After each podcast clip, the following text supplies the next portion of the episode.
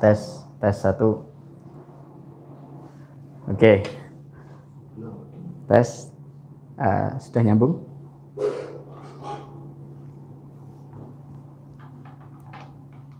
Sinyalnya bagus tidak? Halo? Tes? Oke. Sudah ada suaranya? Oke. Ya. Assalamualaikum warahmatullahi wabarakatuh. Salam berkah untuk kita semua. Kembali dengan saya Kang Mas Ruhan di sore hari ini sekitar jam 3 lebih 15 menit ya uh, di kota Kudus. Hari ini uh, live lagi di channel para psikolog pengasihan ya dan nanti sore habis ini kita live lagi di ilmu hikmah ya. Nah, yang di ilmu hikmah tentunya membahas tentang beberapa kajian tentang ilmu hikmah. Nah, yang di para psikolog pengasihan adalah hal-hal yang terkait tentang rumah tangga, tentang pengasihan keluarga dan juga keutuhan rumah tangga dan hal-hal yang berkaitan tentang kehidupan eh, pada umumnya gitu. Dan hari ini kita masih menanggapi beberapa hal yang terkait tentang eh, perselingkuhan dan pelakor ya. Nah, tema hari ini apa sih? Yaitu cara membuat suami menyesal memilih pelakor. Nah, berarti ini ya eh, bagi Anda yang sebagai wanita yang mungkin Anda yang sebagai wanita yang mungkin hari ini ada masalah eh, apa namanya suaminya punya wanita lain atau wanita idaman lain ya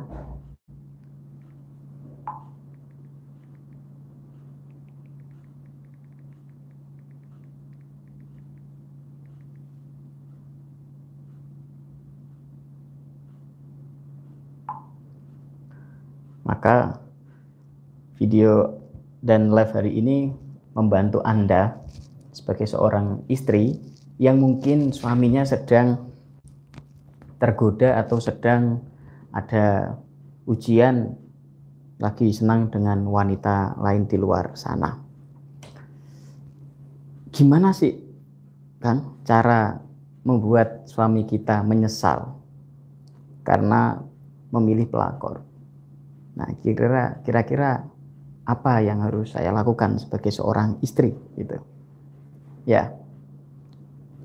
Suaranya dengar ya? Halo, tes. Gitu. Nah, apa sih kira-kira yang harus dilakukan oleh seorang istri? Ya, monggo bagi Anda yang tidak sibuk untuk menyaksikan live saya, terutama bagi Anda yang seorang istri atau Anda seorang suami yang pengen tahu bahwa istri Anda pun pengen Anda kembali lagi atau pengen seorang laki-laki membanggakan istrinya, kira-kira begitu. nah, bagi Anda yang menjadi seorang istri, ini sangat penting uh, informasi ini untuk Anda semua. Supaya suaminya lebih memilih Anda lebih mengutamakan Anda, bahkan sangat menyesal pernah memilih pelakor atau saat ini masih e, memilih pelakor. Nah, supaya suami Anda menyesal pilihannya meninggalkan Anda atau pilihannya meng, apa ya mem, membiarkan diri Anda sehingga lebih memilih kepada pelakor, maka lakukanlah hal yang terbaik ya buatlah suami menyesal atas apa yang dilakukannya. Tapi yang Anda lakukan adalah yang saya sarankan adalah hal yang baik, hal yang positif, perilaku yang positif, perilaku yang berguna untuk menjadi seorang istri itu bukan bukan dendam atau bukan ingin melakukan uh, kejahatan tidak tapi harus melakukan perbuatan yang baik, harus melakukan uh, kegiatan yang positif gitu. Apa sih yang harus Anda lakukan? Baik. Ini untuk Anda sebagai seorang istri supaya suaminya menyesal berkhianat atau melakukan dosa besar yaitu punya simpanan lain atau maksiat di luar sana. Yang pertama, Anda sebagai istri tetaplah jadi istri yang terbaik. Anda menjadi istri tetaplah menjadi istri yang idaman. Anda menjadi seorang wanita, menjadi seorang istri tetaplah, tetaplah menjadi wanita dan istri yang idaman bagi seorang pria, bagi seorang suami. Karena apa? Di saat Anda tetap menjadi wanita yang terbaik, Anda menjadi wanita idaman, Anda menjadi wanita yang hebat di mata pria, maka laki-laki yang meninggalkan Anda atau laki-laki yang punya pelakor akan menyesal, menyesal memilih pelakornya. Apa saja yang harus Anda miliki untuk menjadi seorang wanita idaman, menjadi seorang istri yang dibanggakan, menjadi seorang istri yang idaman, menjadi seorang istri yang baik. Yang pertama, tetaplah punya iman dan tekun ibadah kepada Allah Subhanahu wa taala. Itu. Sehebat apa pun orang di luar sana sehebat apa pun wanita pelakor di luar sana tapi kalau anda tetap taat tetap iman tetap rajin ibadah kepada Allah Ta'ala maka anda lebih baik daripada mereka. Nanti suami anda akan menyesal. Akan menyesal. Karena apa? Adanya wanita lain apalagi kalau melakukan maksiat maka itu adalah musibah bagi mereka bagi suami dan pelakornya. Tapi kalau Anda masih tekun ibadah Anda masih beriman kepada Allah masih rajin ibadah menata hati sekuat tenaga bahwa Allah tempat bersandar kita Allah yang memberi nikmat Allah yang memberi kehidupan yang terbaik untuk kita maka Anda menang satu poin Gitu. Suami Anda akan menyesal. Karena Allah yang membalasnya. Allah yang ngatur dunia ini. Kalau Anda tetap berbuat baik, maka Allah akan berbuat baik kepada Anda. Kalau Anda tetap beriman, bertakwa kepada Allah, maka Allah akan memuliakan diri Anda. Itu yang pertama. Yang kedua, tetaplah menjadi istri yang setia. Walaupun suaminya tidak setia. Tetaplah menjadi istri yang taat kepada suami walaupun suami Anda sudah mengecewakan Anda. Tetaplah menjadi istri yang baik, yang soleha. Walaupun suami Anda tidak soleh. Ini demi kepentingan diri Anda dan keluarga, terutama untuk Anda dunia dan akhirat. Karena di saat Anda masih setia, maka diri Anda lebih berharga daripada ribuan wanita di luar sana. Karena kalau diri Anda tetap taat, tetap takwa, iman, beribadah, dan tetap berbuat baik sama suaminya, nilai Anda lebih mulia daripada ribuan wanita di luar sana. Kenapa? Karena Anda punya kesempatan juga untuk bermaksiat, Anda juga punya kesempatan untuk tidak setia karena suami tidak setia, tetapi Anda tetap setia. Anda punya kesempatan untuk berbuat jahat, tapi Anda tetap berbuat baik. Maka itu kemuliaan di sisi Allah Subhanahu wa taala. Dan itu luar biasa. Luar biasa. Nah, jadi yang kedua itu kuatkan betul. Anda tetap ya setia, tetap menjalankan kewajibannya sebagai seorang istri, ya, tetap taat kepada suami, menghargai suami, menjaga harga diri suami, ya, menjaga harkat martabat suami, ya menjaga nama baik suami walaupun suami Anda sudah mengecewakan. Maka Anda sangat luar biasa. Suami Anda nanti akan berterima kasih dan menyesal meninggalkan Anda. Jadi tetap jadi orang baik. Tetap menjadi istri yang solehah. Jadi istri yang baik. Itu. Yang ketiga tetaplah menjadi ibu rumah tangga yang baik. Ya. Karena bagi Anda yang punya anak, suaminya sudah terlanjur selingkuh atau punya wanita idaman di luar sana, suaminya memilih pelakor di luar sana, Anda tetap minta anak Anda yang merawat. Ya, rawatlah anak Anda dengan baik. Jadilah ibu yang terbaik. Karena di saat Anda menjadi ibu yang terbaik, Anda akan mencetak generasi anak-anak yang terbaik. Jangan sampai seperti generasi suami Anda. Jangan sampai generasi seperti bapaknya, tidak jujur. Ya, punya selingkuhan. Berani punya idaman di luar sana dengan cara diam-diam. Dan rela meninggalkan Anda dan anak-anak Anda, maka besarkan anak-anak Anda dengan hebat. Didik dengan kebaikan, dengan cinta, dengan kasih sayang, bukan dengan kebencian. Ya, itu tetaplah menjadi ibu yang terbaik. Kalau Anda tetap menjadi ibu yang terbaik, maka nanti suami Anda akan sangat menyesal. Kenapa? Karena Anda bisa membuktikan, bisa mendidik, ya, bisa mendidik anak-anak Anda dengan baik, gitu. Nah, sehingga suami Anda akan menyesal karena meninggalkan Anda. Yang keempat, tetaplah berbuat baik terhadap keluarganya suami Anda.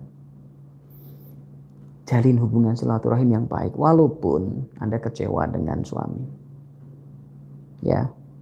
Walaupun Anda kecewa dengan suami, tapi tetaplah berbuat baik silaturahim, menjaga silaturahim dengan keluarga suami, keluarga diri Anda dan banyak kegiatan yang positif. Jadi tetap sambung silaturahim. Ya, berikutnya yang kelima, buatlah diri Anda bahagia dengan cara yang halal. Buktikan bahwa Anda happy, bahagia walaupun tanpa suami. Walaupun mungkin suami Anda jarang di rumah atau mungkin Anda diceraikan. Atau mungkin suami Anda suka marah-marah, punya pelakor, sudah gak menyenangkan, sudah tidak punya akhlak yang baik. Anda tetaplah bahagia, happy, bersyukur dengan diri sendiri atas nikmat Allah. Bahagiakan diri Anda dengan cara Anda sendiri. Yang penting cara yang halal. Cara yang tidak maksiat, cara yang tidak dimurkai Allah, tapi cara yang halal. Mungkin Anda ke pengajian, Anda ikut ngaji, Anda ikut organisasi, Anda ikut kegiatan fashion, atau Anda belanja yang mungkin itu terbaik menyenangkan Anda, hiburan, refreshing, tapi yang halal, yang tidak bermaksiat. Ngajak jalan-jalan anak, keluar negeri, atau mungkin jaroh-jaroh ke makam atau ke kiai-kiai. Atau mungkin ada Anda silaturahmi ke keluarga-keluarga. Apa yang Anda sukai? Masak olahraga buatlah diri Anda happy bahagia senang walaupun keadaannya seperti itu. Nah kalau Anda bahagia maka suami Anda akan menyesal. Karena orang yang punya pelakor belum tentu bahagia kok banyak yang punya pelakor stres justru karena tertekan. Kenapa? Karena maksiat. Maksiat itu tidak bisa membuat orang bahagia, nggak bisa. Maksiat itu akan menutupi hati kolbu ini jadi hitam, sehingga sulit untuk bahagia. Tapi kalau Anda beribadah, Anda baik, Anda akan mudah bahagia. Maka tetaplah jadi istri yang soleha. Buat diri Anda happy dan bahagia. Buat diri Anda senang. Ya, buat diri Anda happy, buat diri Anda senang. Itu. Itu penting sekali. Dan buatlah bahagia anak-anak keluarga Anda. Orang tua tetaplah berbahagia dan berakhlak yang baik. Nah, itu wanita atau istri yang soleha. Dan mencarilah ilmu agama Allah.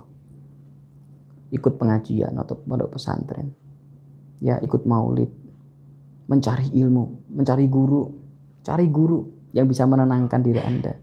Cari guru yang bisa membantu Anda. Cari guru ya yang bisa membantu masalah Anda dengan cara yang baik. Insya Allah, insya Allah, dengan diri Anda tetap jadi wanita yang soleha, istri yang soleha.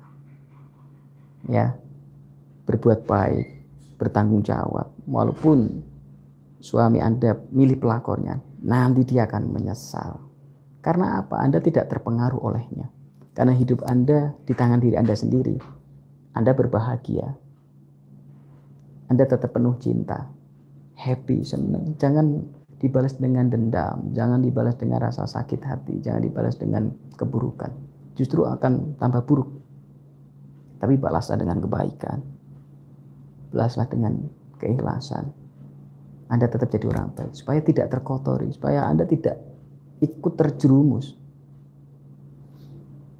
Gitu. Memang berat, memang berat, memang berat.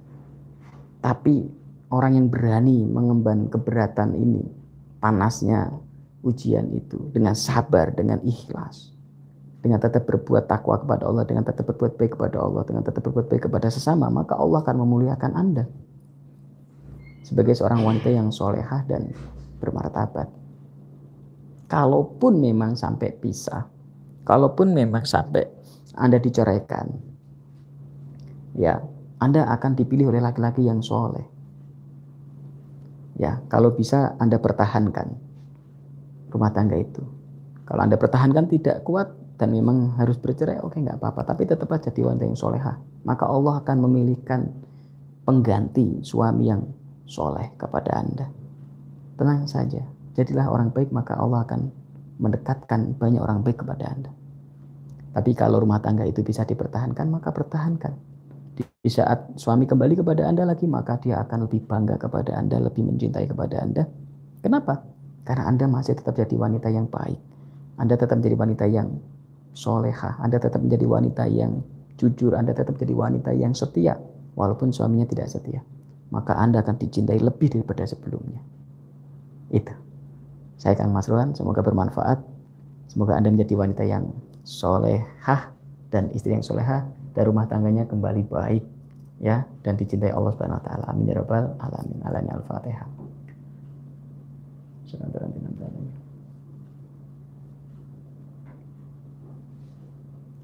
Baik, ini ada pertanyaan ya dari Mas Van Holven. Gimana Kang cara mengetahui kebohongan pasangan? Oke, ini pertanyaan yang luar biasa. Pertanyaan yang sangat cerdas. Ini Van Holven uh, berarti boleh laki-laki, boleh perempuan ya. Bagaimana mendeteksi kebohongan ya pasangan? Sebenarnya mudah kok, sangat mudah, sangat-sangat mudah. Yang pertama, lihatlah gerak-geriknya, apakah banyak perubahan. Contoh, perubahan ini yang menurut menurut Anda tidak pantas, tidak masuk akal dan agak mengganggu. Contoh, sering pegang gadget, sering pegang handphone, ke mana-mana HP-nya tuh dibawa terus, gadgetnya dibawa terus, ke toilet dibawa, pergi ke mana tuh kayak nggak mau lepas sama handphonenya, tidur pun handphone diletakkan di dekatnya. Nah, yang kedua, handphonenya dirubah passwordnya sehingga pasangan sehingga Anda tidak bisa membuka handphonenya. Memang dengan tujuan supaya Anda tidak ngecek handphonenya. Ini tanda sudah mulai ada kebohongan. Kenapa? Sudah mulai tidak terbuka tentang gadget, tentang handphone. Jadi perlu dicurigai. Tanyakan baik-baik. Kenapa? Saya mau ngecek HP-mu. Mana passwordmu? Tanyakan baik-baik saja. Jadi kalau pasangan Anda sudah mulai uh, sering handphonenya dipegang terus dan passwordnya dirubah sampai Anda tidak bisa ngecek, maka itu mulai ada kebohongan. Yang kedua, sering pulang telat, tidak seperti biasanya. Intensitas telatnya lebih sering. Ya, bilang meeting lah, ada acara lah. Terus sulit ditemui.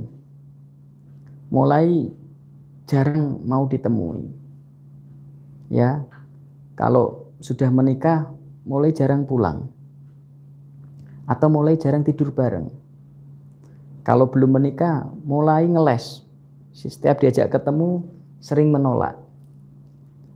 Ya, jangan-jangan dia ada kegiatan lain di luar sana dengan orang baru. Yang berikutnya, kalau diajak ngobrol, penglihatannya sudah berubah. Lebih banyak merunduk, atau matanya tidak fokus terhadap Anda.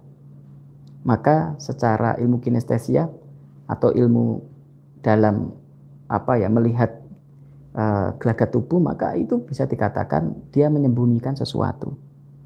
Kalau orang menyembunyikan sesuatu berarti ada kebohongan, ada ketidakjujuran, ada ketidakterbukaan.